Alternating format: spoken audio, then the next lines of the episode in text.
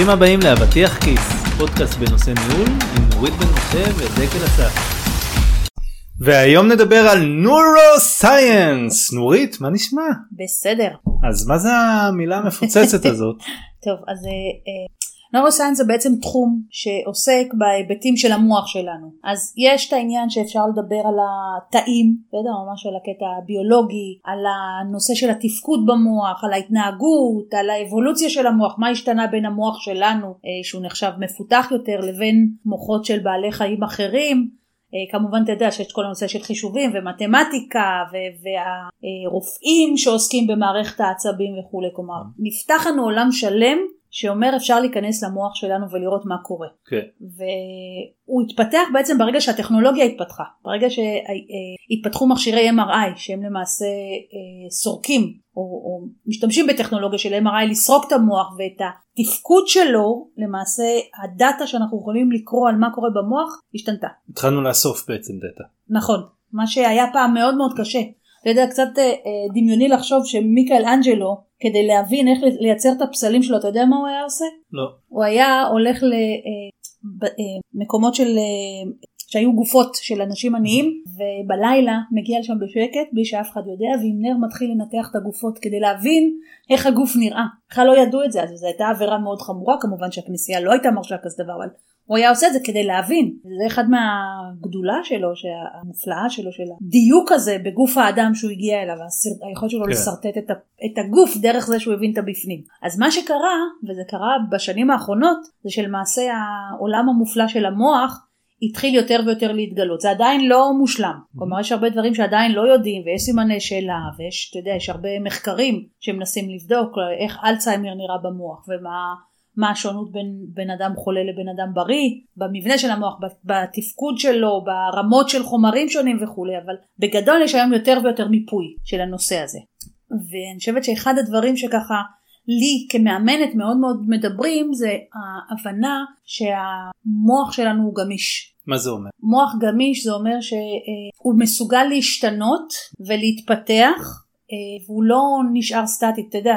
אני גדלתי כשלמדתי פסיכולוגיה בתואר הראשון שלי בכל הקורסים אז מה שאמרו זה עד גיל 21 יש לנו תאים במוח ומגיל 21 זהו הדעיכה מתחילה ודרכנו למוות אה, מתקרבת. היום כבר מבינים למשל שאנחנו יכולים ליצור הרבה פעילות במוח שהיא לא רק קשורה לכמות האם נולדים לנו תאים אלא גם איך אנחנו מעבים את הקשרים בתוך המוח. זאת אומרת ממש דרכים לעבות את הקשרים האלה? כן, מה זה לעבות את הקשרים? זה ליצור, המוח שלנו הרי זה בפעילות בין, אה, אה, שהיא חלקה חשמלית וחלקה כימית. כן. אה, אני לא רוצה לשעמם פה אף אחד שלא ירדמו לנו באמצע, אבל בחלק מהעניין זה שמה זה הרגל בעצם, אוקיי? Mm-hmm. מה זה הרגל? זה פעילות שאנחנו עושים אותה כבר על אוטומט ולא צריכים להשקיע הרבה אנרגיה. עכשיו כשאתה יושב, אה, או בבוקר כשאתה קם ואתה הולך לצחצח שיניים, כן.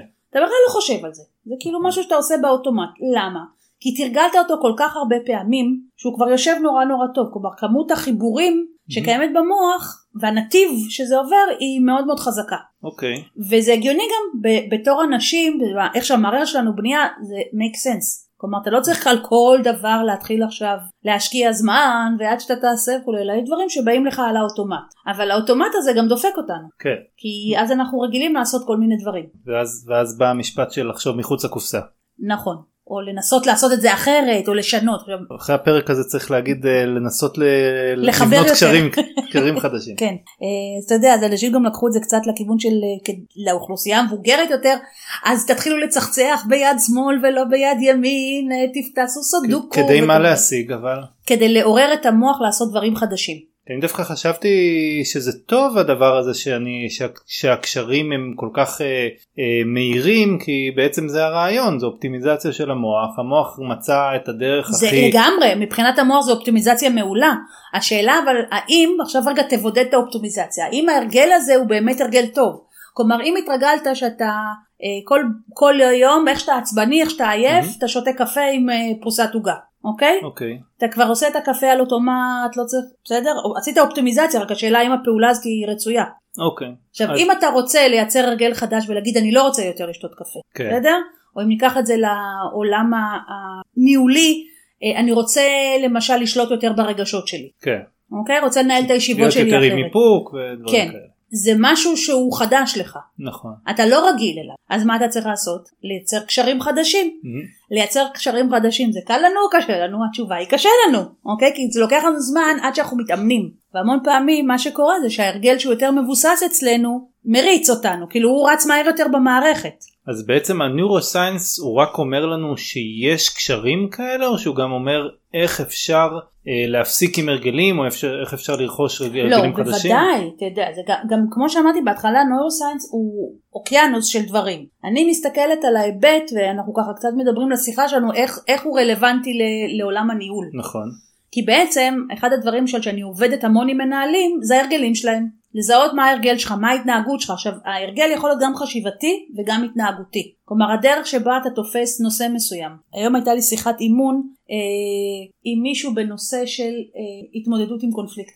ואז, תמיד בהתחלה אני ככה עושה מין בירור של מה התפיסה של הבן אדם, איך הוא תופס. אחד הדברים שאותו מנהל דיבר עליו, שבתפיסה שלו קונפליקט הוא דבר רע, כי הוא למעשה אה, פוגע ביעילות של השגרה. אוקיי. ברגע שיש לך קונפליקט, האפקטיביות והיעילות יורדות כי אתה מבזבז זמן על, על הדיאלוג, זו התפיסה שלו, אני אוקיי. לא אומרת כן, שאם זה אני נכון או לא עושה נכון, פרצוף מוזר בגלל זה. כן. נורית, אה, אבל אה, זו התפיסה שלו. עכשיו ברגע אוקיי. שזיהינו שזו התפיסה וככה הוא עובד, אז מה כל הגישה שלו, הסתכלנו מה ההתנהגויות שהוא עושה, קודם כל מהר מאוד מרגיע את העניינים, בסדר?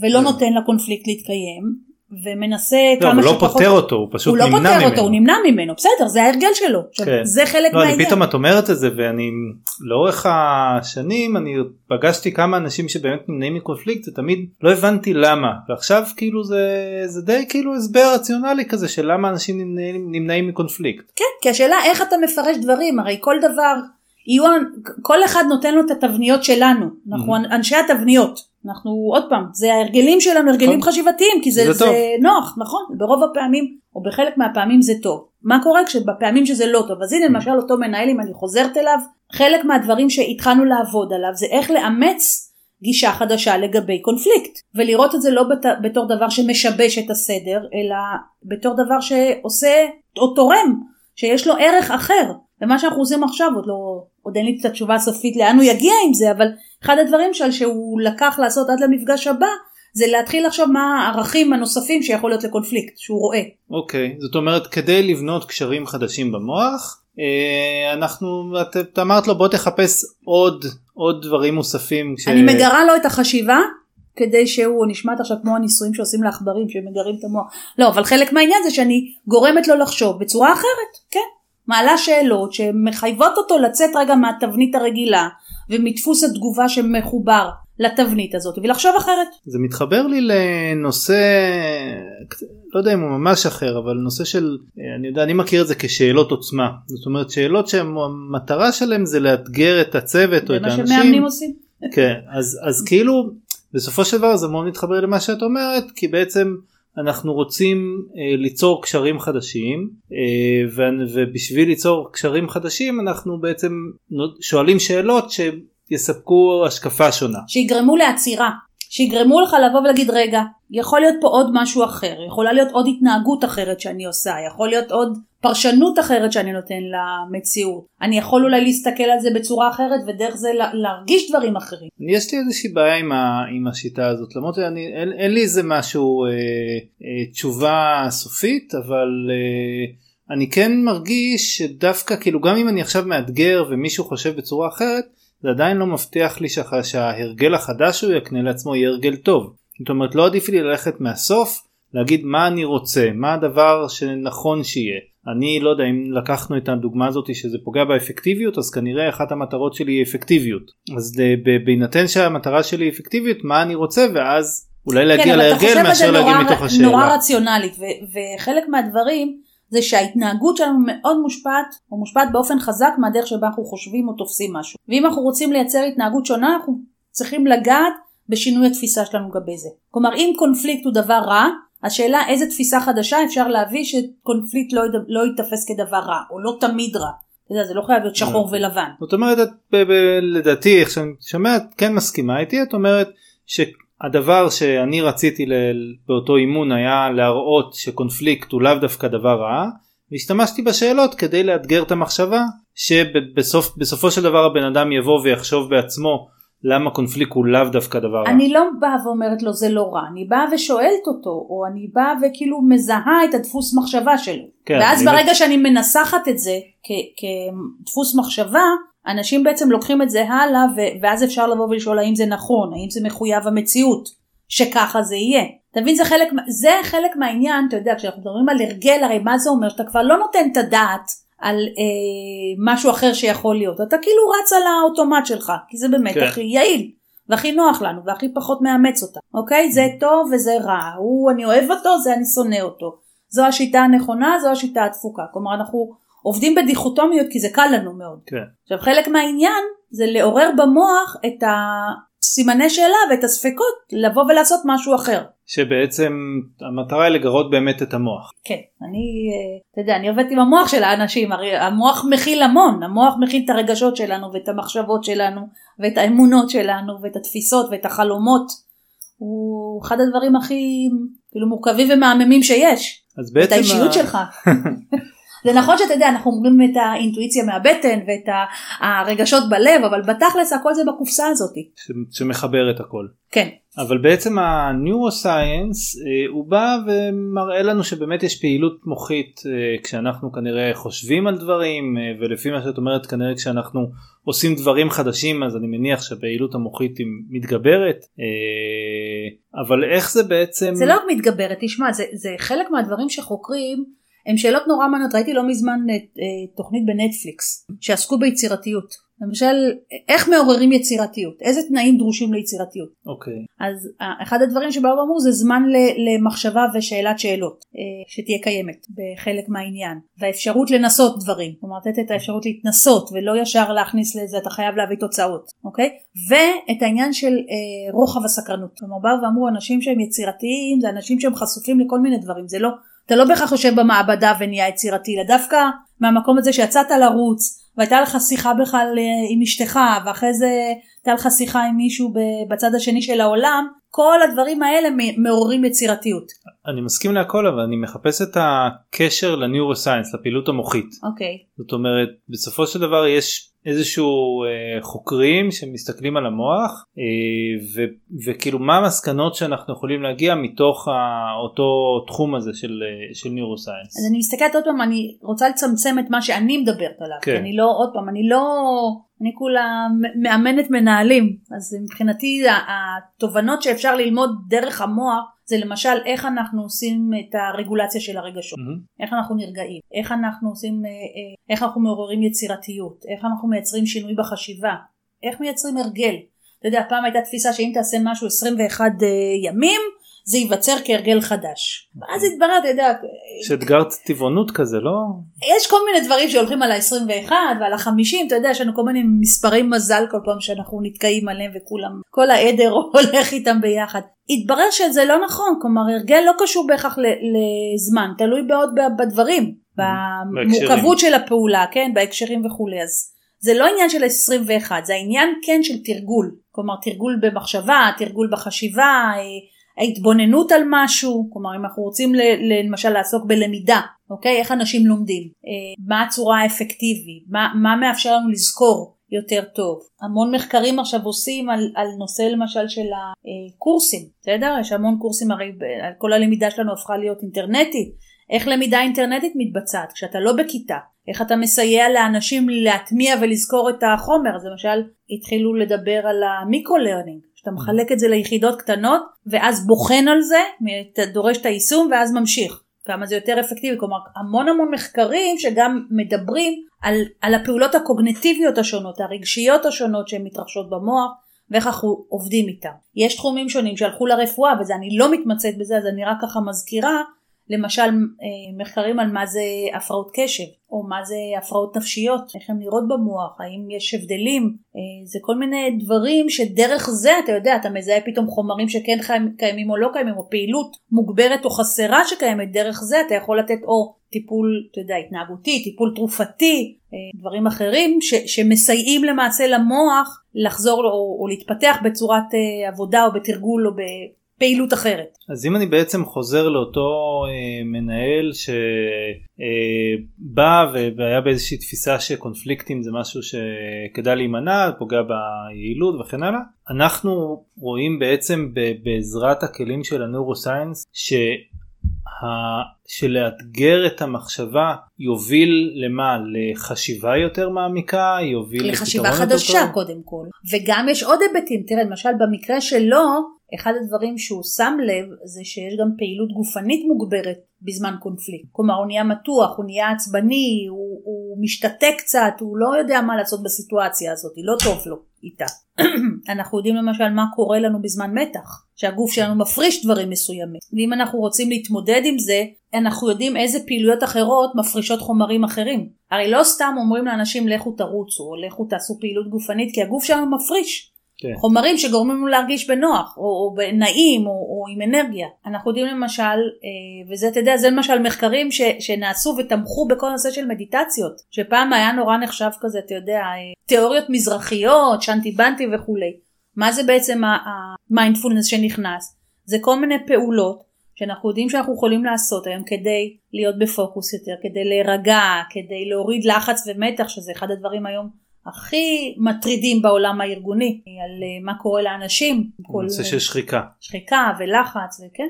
אז למשל כדוגמה, ברגע שאנחנו עושים נשימות זה מוריד לחץ. למשל אותו מנהל אחד הדברים שגם כן חלק מהעניין היה שהוא בא ואמר אוקיי אני הולך לעשות את זה הוא מגיע אפילו מהודו אז זה בכלל אה, דיבר אליו ואז הוא סיפר לי שהוא גם שומע איזה שהוא אמר לי איש דת אבל אני לא חושבת שהוא התכוון לאיש דת אני חושב לאיזה מין אה, דמות רוחנית כזאתי שהוא שומע אה, הרצאות שלה והוא אמר לי זה נורא מרגיע אותי. זה בדיוק כל הדברים האלה שהיום אנחנו יודעים דרך המחקרים האלה של הנוירוסנס אנחנו יודעים לגזור ולייצר דברים שהם תכלסים, שהם עוזרים לנו בתפקוד, שהם עוזרים לנו בהתמודדות עם הסיטואציות המגוונות של החיים. שבעצם אז הנוירוסיינס, לי באמת זה מרגיש שהנוירוסיינס הוא מחזק הרבה מאוד דברים ש, אה, שידענו. הוא מגלה גם, תשמע, יש דברים שלא ידענו, אני הרבה, אני, עוד פעם, אני לא עד כדי כך... אה, יודעת להגיד על זה, אני בעולמות אה, ניהול שלי יודעת לבוא ולהגיד מה אנחנו יודעים לבוא ולעשות עם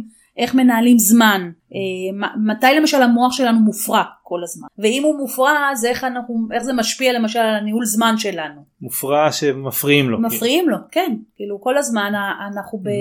טינג דין, טינג דין, התקבלה הודעה, התקבלה הודעה, אתה יודע, אנחנו, מה זה עושה לריכוז שלנו. כן, טוב זה נושא באמת לפרק אה, בפני עצמו. אה, בעצם הנוירוסייאנס אה, בהקשר של הניהול, אז אמרנו אה, שיש את ה...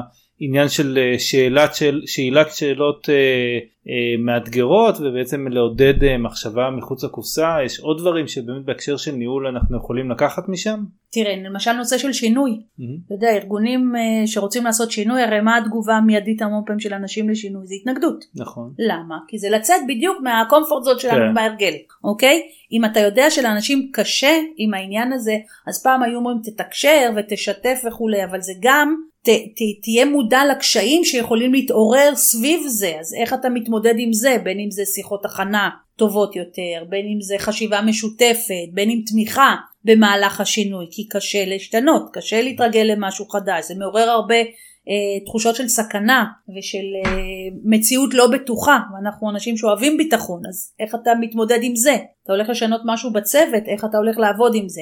אתה רוצה למשל לדבר על תקשורת איך אתה יוצר תקשורת אה, טובה? איך אתה מייצר שיחות שהן עמוקות? כלומר יש המון המון המון דברים שאנחנו יכולים לקבל היום שעוזרים לנו לעשות את זה טוב יותר. אמ, יש איזה שהם ריסורסים או מקומות שאת ממליצה ללכת אה, לראות בהם? כי אני חייב להגיד שבאינטרנט לא מצאתי כזה הרבה אה, כמו שהייתי מצפה אה, למצוא באינטרנט מקומות שבאמת מדברים על זה בצורה מעמיקה. כן יש הרבה מקומות שעוסקים בזה היום. גם מה שמעניין שזה יצא מה, מהאקדמיה כלומר יש הרבה חוקרים היום שלוקחים את זה החוצה בטח לעולם הניהולי והארגוני אה, גם כי זה משתלם כספית וגם כי יש בזה צורך. אז אני, אני אה, נשים דף באתר עם אה, מקורות ומי שרוצה אז יוכל פשוט אה, לבדוק ולקרוא. מגניב. טוב, זה מדהים אותי תמיד איך הגילויים החדשים האלה גם מצד אחד מאשררים דברים שאנחנו חושבים גם מצד שני הרבה פעמים מכניסים לאיזשהו נתיב איזה משהו שאנחנו מרגישים שהוא נכון אבל עדיין לא יודעים בדיוק אה, אה, מה הדרך אה, זה נשמע לי כמו משהו שעוד, אה, שעוד נשמע עליו. עוד ידובר. טוב נורית תודה רבה לך. שיהיה לך מוח טוב. תודה ותודה לכם ואתם יכולים למצוא גם עוד חומרים וגם עוד פרקים באתר שלנו בנורידbm.com. תודה.